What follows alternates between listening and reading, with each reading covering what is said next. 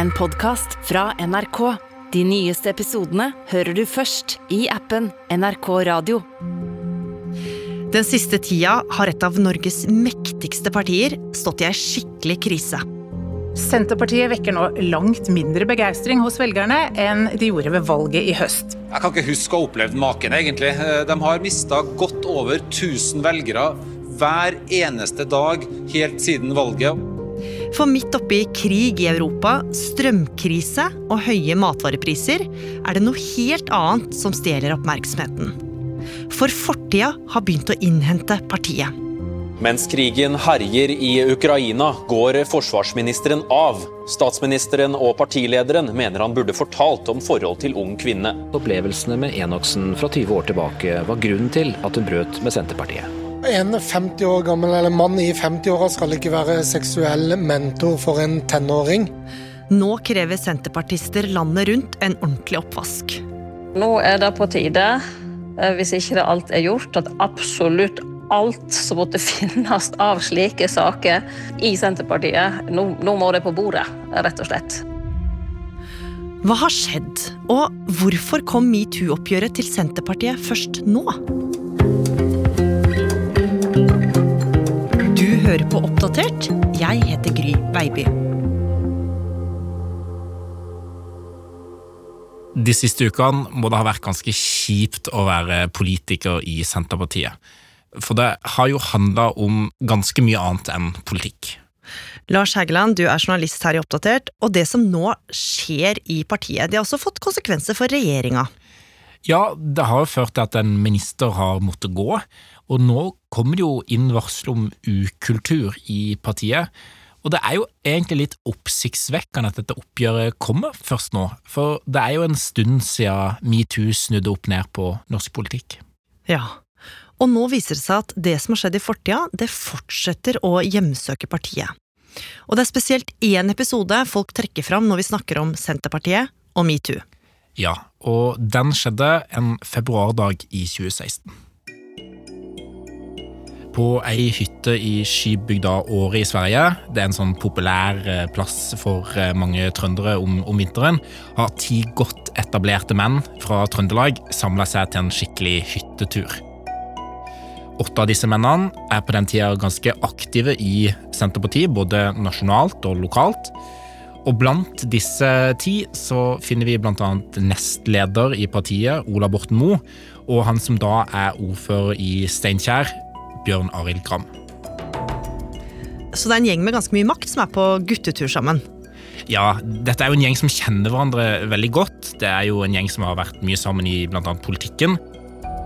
Og turen den ble beskrevet som et skikkelig herreselskap. De tar badstue sammen, de drikker øl, de drikker akevitt. Man kan jo se for seg at det blir skikkelig guttastemning. Men så, Lars, så skal det jo skje noe som skal vise seg å få store konsekvenser. Ja, for eh, rett rundt midnatt er det fortsatt liv i leiren på hytta i året. Og da er det noen som får en idé. Rett før klokka halv ett skriver noen en messengermelding fra telefonen til senterpartist og bankmann Morten Søberg. Meldinga har et ganske spesielt innhold, og han blir sendt til hun som en gang var en av de mektigste personene i Senterpartiet, nemlig Liv Signe Navarsete. Og hun har selv fortalt om da hun mottok meldinga. Jeg våkna av eh, at tekstmeldinga kom, eh, for jeg har en sånn pling på, på mobilen som mange har. Um, og um, jeg må jo innrømme at jeg først Jeg måtte jo lese den et par ganger før jeg tenkte hva i alle dager? Og så så jeg avsenderen, og så fikk jeg ikke det til å stemme. Uh, sånn som jeg kjenner avsenderen, så tenkte jeg at det, kan vel ikke være han som sendte. Så det var åpenbart for Navarsete at Søberg ikke kunne stå bak. Og det var jo ikke så rart at hun stussa litt, Lars, for den meldinga var jo ganske grov. Ja, hun var det. Der sto det rett og slett 'Vi har lyst på fitta di'. Så visste ikke jeg på det tidspunkt at dette var en setting med hytteturer og sånn, men det fikk jeg jo vite dagen etterpå, for da måtte jeg begynne å forhøre meg litt om som, hvor denne personen var, da, som hadde sendt meldingen. Og det hører jo til i denne historia at hun på dette tidspunktet i lengre tid har vært i en opprivende politisk konflikt med folk på denne hytteturen. Og hun leser jo også dette da som en del av denne konflikten. Og da tenkte jeg at ja, at det var rett og slett for å si at du har vært en dritt, og du er fortsatt en dritt, rett og slett. Og vi, vi syns like lite om deg som vi har gjort før. Hva gjør Navarsete med meldinga? Navarsete hun går til lederne sine, som da er Marit Arnstad og partileder Trygve Slagsvold Vedum.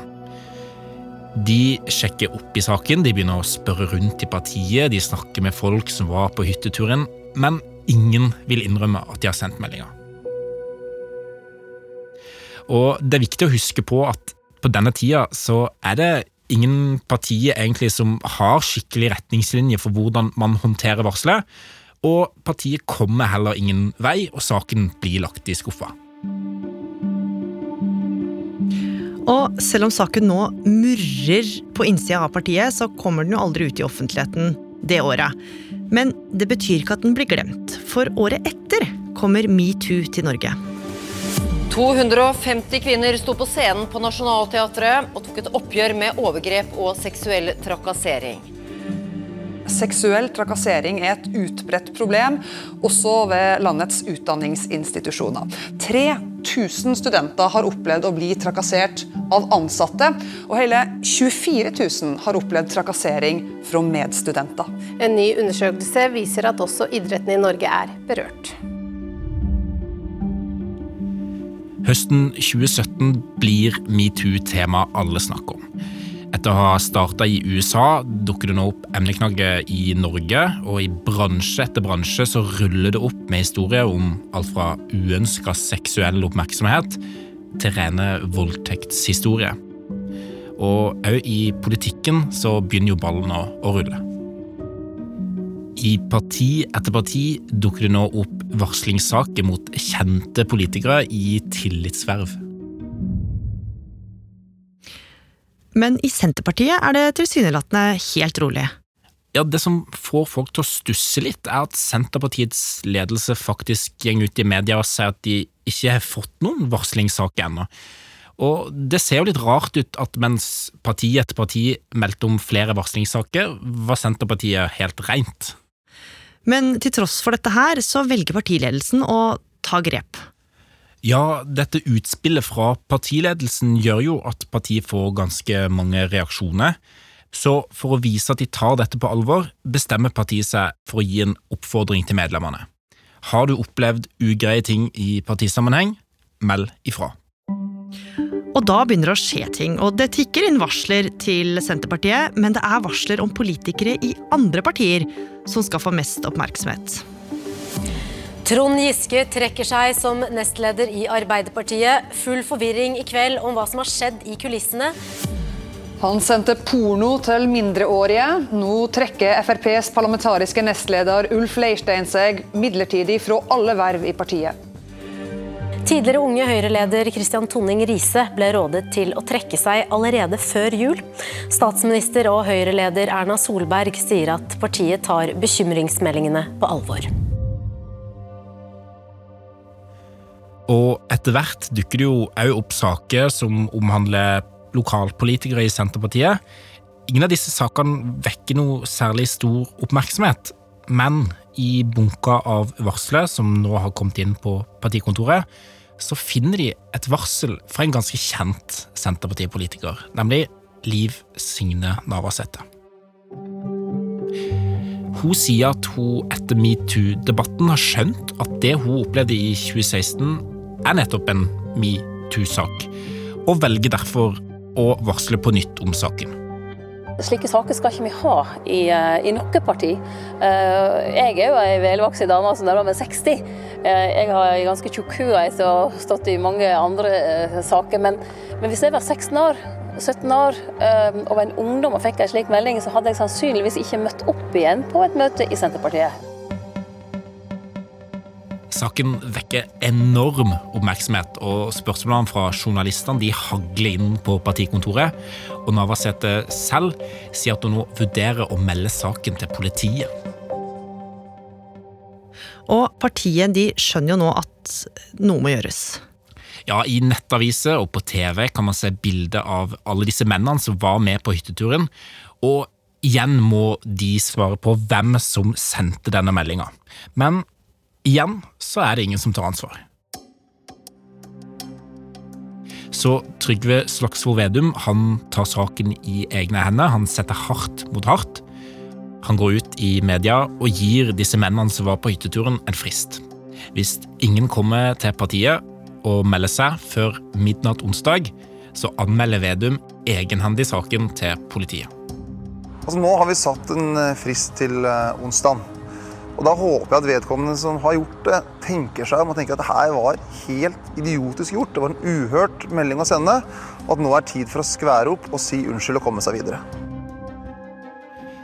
Timene mot midnatt de tikker og går, men når klokka bikker tolv den kvelden, så er det fortsatt ingen fra hytteturen som har meldt seg.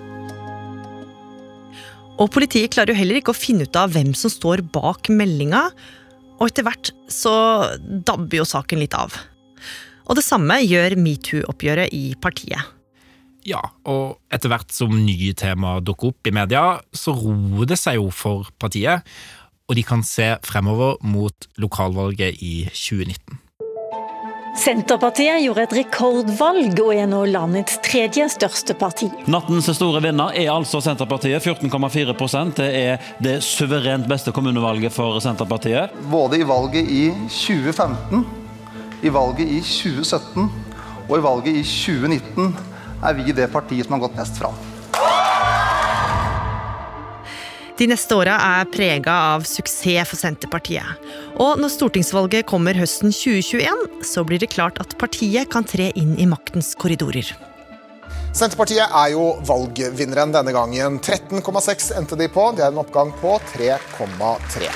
Vi har fått en enorm tillit fra det norske folk, og vi er det partiet som har gått mest fram i stortingsvalget 2021. Det blir Trygve Slagsvold Vedum som blir ny finansminister, det opplyser flere kilder som er tett på prosessen til NRK. Det har vært ventet at Senterpartiet ville få denne posten. Arbeiderpartiet og Senterpartiet er enige om at vi kan danne regjering.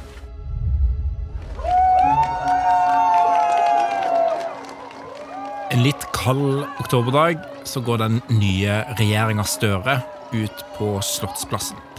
Der stiller de seg på rekke og rad, og de smiler til dette havet av fotografer og tilskuere som har møtt opp. Og de heldige utvalgte som får lov til å stå der, de har gått gjennom lange og strenge sikkerhetssjekker. Alt ligger nå til rette for at de kan ta på seg noen av de mest ærefulle vervene som fins i Norge. Og blant dem som eh, står med masse buketter i armene, har to av dem noen år tidligere vært på guttetur sammen. Ja, Midt blant de står Bjørn Arild Gram og Ola Borten Moe, som jo begge var med på denne hytteturen i 2016. Og på det som for de skulle være en gledens dag, må de igjen svare på spørsmål om denne meldinga og hytteturen. Men begge nekter fortsatt for å ha sendt meldinga. Og nå ser det jo kanskje ut til at partiet er helt ferdig med den saken, og at metoo-bølgen har stilna. Men så, etter bare noen måneder i regjering, skjer det noe. Flere år etter at metoo herja som verst i norsk politikk, tikker det i februar i år inn et nytt varsel til Senterpartiets partikontor. Odd Roger Enoksen går åpent ut og beklager på det sterkeste to episoder fra tiden han var partileder for rundt 20 år siden. Denne gangen er det forsvarsminister Odd Roger Enoksen det blir varsla om. Det er tidligere partikollega Hilde Lengali som har varsla. Og hun varsler om to hendelser hvor hun opplevde uønska oppmerksomhet fra Enoksen. Den første er fra en partikonferanse i 2000, da Enoksen var partileder, og hun var nestleder i Nordland Senterparti. Lengali hun hevda at hun ble invitert inn på et hotellrom av Enoksen. Jeg husker ikke at vi hadde noen samtale om politikk der inne overhodet, men jeg husker jo veldig godt at han dytta meg over ende på senga. Og at jeg kom meg veldig fort ut derfra. Men det var jo et sjokk å oppleve det. Altså, det var jo på en måte all tilliten min, eh, også til meg sjøl, at jeg hadde vært så dum, at jeg hadde latt meg lure. Og Ble du redd? Ja, det er klart jeg ble redd. Enoksen sier at han ikke husker hendelsen som hun beskriver, men at han beklager på det sterkeste om det har skjedd. Melangali hun varsler om to hendelser. Den andre skjedde et år senere, òg denne i en partisammenheng. Enoksen og Lengali de var da de to eneste gjestene i svømmebassenget på et hotell. Og hun beskriver sjøl hva som skjedde da hun kom ut av dusjen i garderoben. Da jeg kommer ut av den dusjen, så står han der mellom meg og håndkleet mitt med armene strukket ut, eller på en eller annen ja, og sier en kommentar. og den, Det er jo egentlig hovedgrunnen til at jeg vet at jeg husker dette. For det syns jeg var så utrolig dust. Og det var det jeg også sa til moren min. Da, da sier han Du ser jo mer ut som en filmstjerne enn ei fembarnsmor. Jeg har ingen klær. Jeg kommer dryppende våt ut av, av dusjen. Og da ble jeg jo sint. Og ganske snart må forsvarsministeren gå ut og forklare seg. Så jeg kikka inn for å spørre om vi skulle gå til frokost i lag.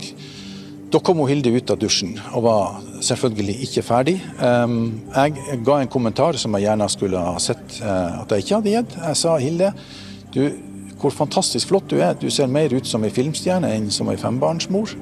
Og så tok jeg meg i det, og så beklager jeg. Og Hilde tok, hadde da tatt på seg håndduken i mellomtida. Hun svarte vi er to voksne mennesker, det går helt greit. Jeg ga henne en klem og gikk. Men selv om dette varselet kom, så kunne det jo virke som at Enoksen han kunne få sitte videre.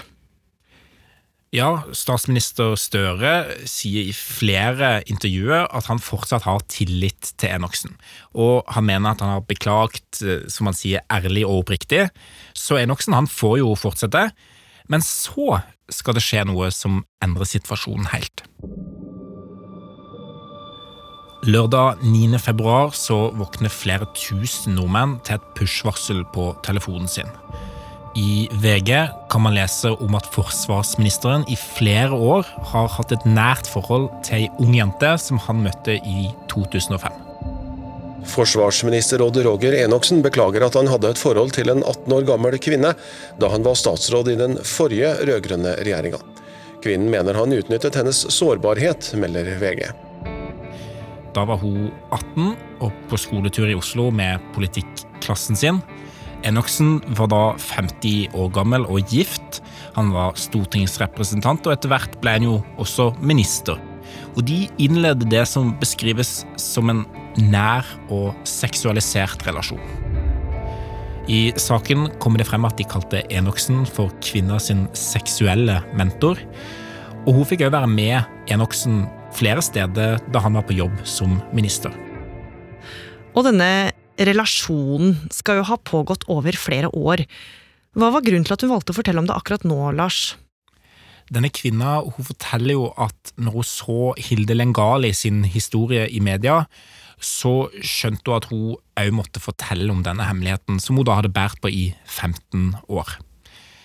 Og under en time etter at VG-saken var publisert, så velger Enoksen å gå av.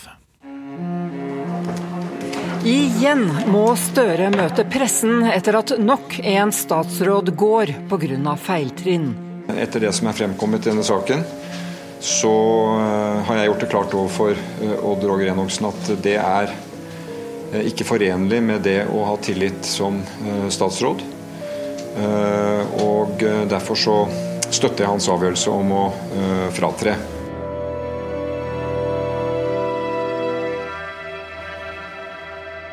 Og nå som eh, Enoksen gikk av, så kunne man jo tenke seg at roen nok en gang kunne senke seg i Senterpartiet, og at de kunne fortsette å konsentrere seg om politikk. Men helt sånn blir det jo ikke.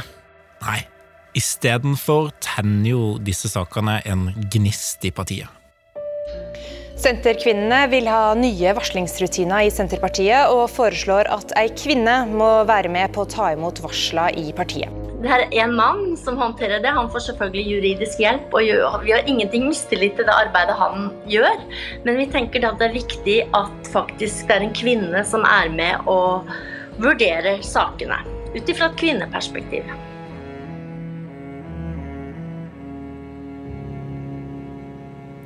Det fikk jo ikke veldig store konsekvenser for Senterpartiet da metoo-opprøret var på høyden. Og det er først nå det snakkes om oppgjør med ukultur, og flere kommer med krav om nye varslingsrutiner. Lars Nehru Sand, du er politisk kommentator her i NRK. Hva er forklaringa på at metoo kom så seint til Senterpartiet? Det tror jeg handler om at når dette pågikk i alle andre partier, spesielt eh, Arbeiderpartiet og Høyre, så, så, var det ikke like store saker i Senterpartiet, ikke like mange saker, og ikke mot like eh, sentrale personer, så man var på en måte ikke tvunget til å gjøre den selvransakelsen man må gjøre nå. og Det sier kanskje litt om alt dette som handler om kultur, og som ikke er så lett og håndgripelig, da, det gjør man kanskje ikke noe med før man virkelig må. Og nå må Senterpartiet det, og det kravet kommer innenfra. Det tror jeg mer påtagelig enn om mange skriver lederartikler eller debattinnlegg om at dette er viktig for hele samfunnet, ikke bare for Arbeiderpartiet eller sånn. Eh, så tror jeg nok at det at Senterpartiet nå tvinges til å se seg selv i speilet og spørre om dette er godt nok, det har de ikke i like stor grad blitt tvunget til å gjøre før nå. Men hva er grunnen til det? At det var mest behagelig å la være når man kunne, og da jeg ikke tvang seg frem, så var det ikke nødvendig, og da ble det ikke gjort. Og nå har jo Odd Roger Enoksen gått av som statsråd. Men hytteturen og svaret på hvem som sendte den grove meldinga til den tidligere partilederen, det henger jo fortsatt over partiet. Og det at det ennå ikke er avklart, hva vil det ha å si for Senterpartiet framover? Det er jo eh, nesten ikke til å tro at det ikke går an å finne ut av det. Eh, når alle disse menneskene har sittet i samme rom, og at ikke det er mulig for Senterpartiet å få et svar, at ikke det er mulig å få alle til å tenke som så at det vil jo gjøre veldig vondt å si det nå, men, men det vil hele tiden være et problem for, for flere hvis man ikke vet. Uansett hvem som sendte den meldingen, og det vet vi jo ikke, så må den også bli satt i en kontekst som handler om politikk, og som ikke bare handler om trakassering, men det at det også ligger en, eh, en politisk ytring mot en maktperson, gjør jo trakasseringen enda verre. Og det eh, Når ikke partilederen klarer det, når ingen andre i partiet klarer det, så er jo det, ja, spør du meg, helt utrolig at ikke det går an å finne ut av, men det gjør åpenbart ikke det.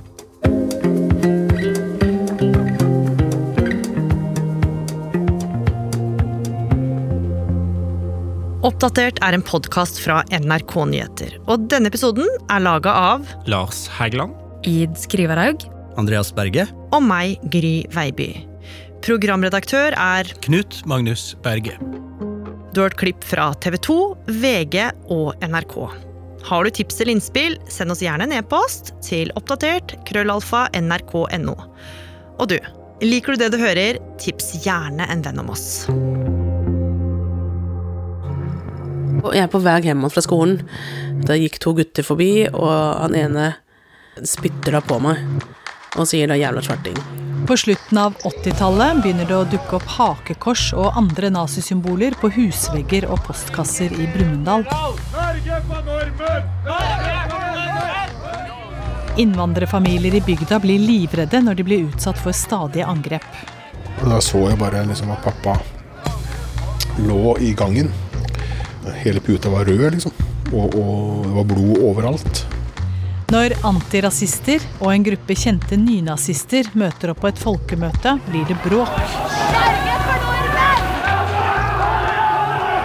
Vi er en norsk arbeiderungdom altså, som er for norsk makt. Altså.